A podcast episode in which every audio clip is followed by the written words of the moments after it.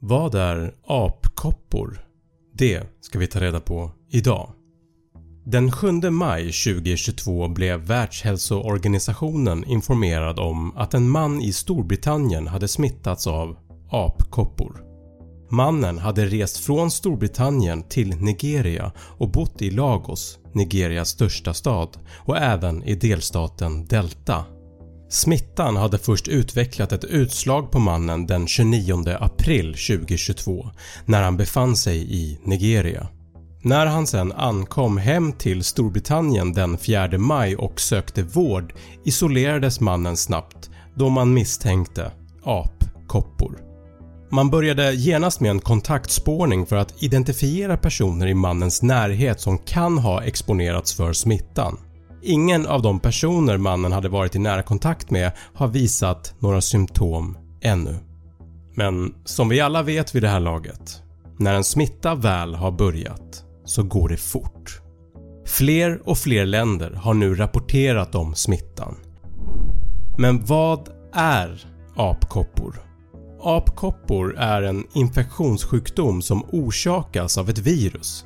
Det här viruset förekommer hos djur och även hos människor.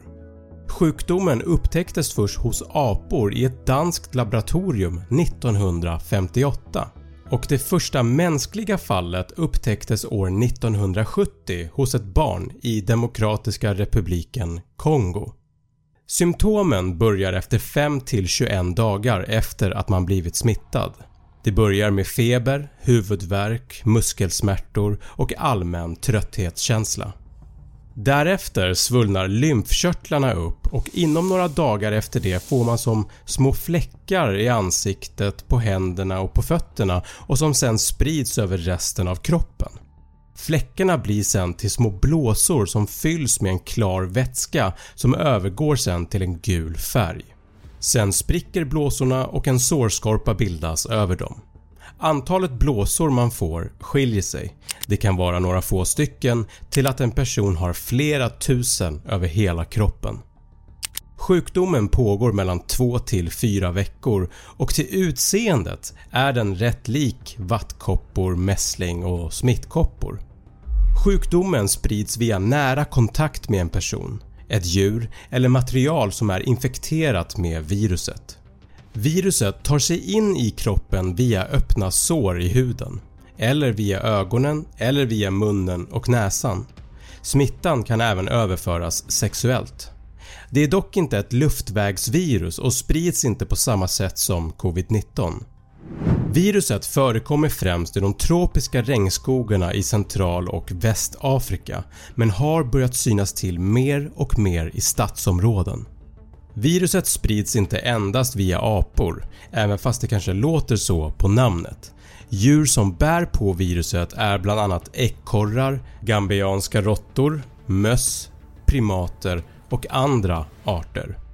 I de allra flesta fall går sjukdomen över av sig själv. Dödligheten ligger på runt 1-3% på den variant av viruset som just nu sprids över världen. Vissa källor pekar på upp till 6%.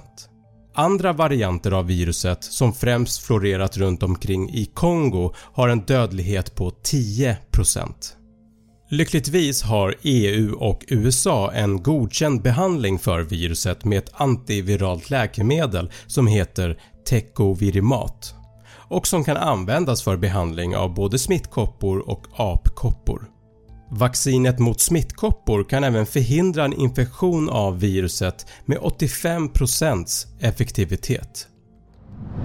Världshälsoorganisationen rekommenderar att om man blir sjuk under en resa eller vid återkomst efter en resa från central eller västafrika ska man söka vård omedelbart för att förhindra en ytterligare smittspridning.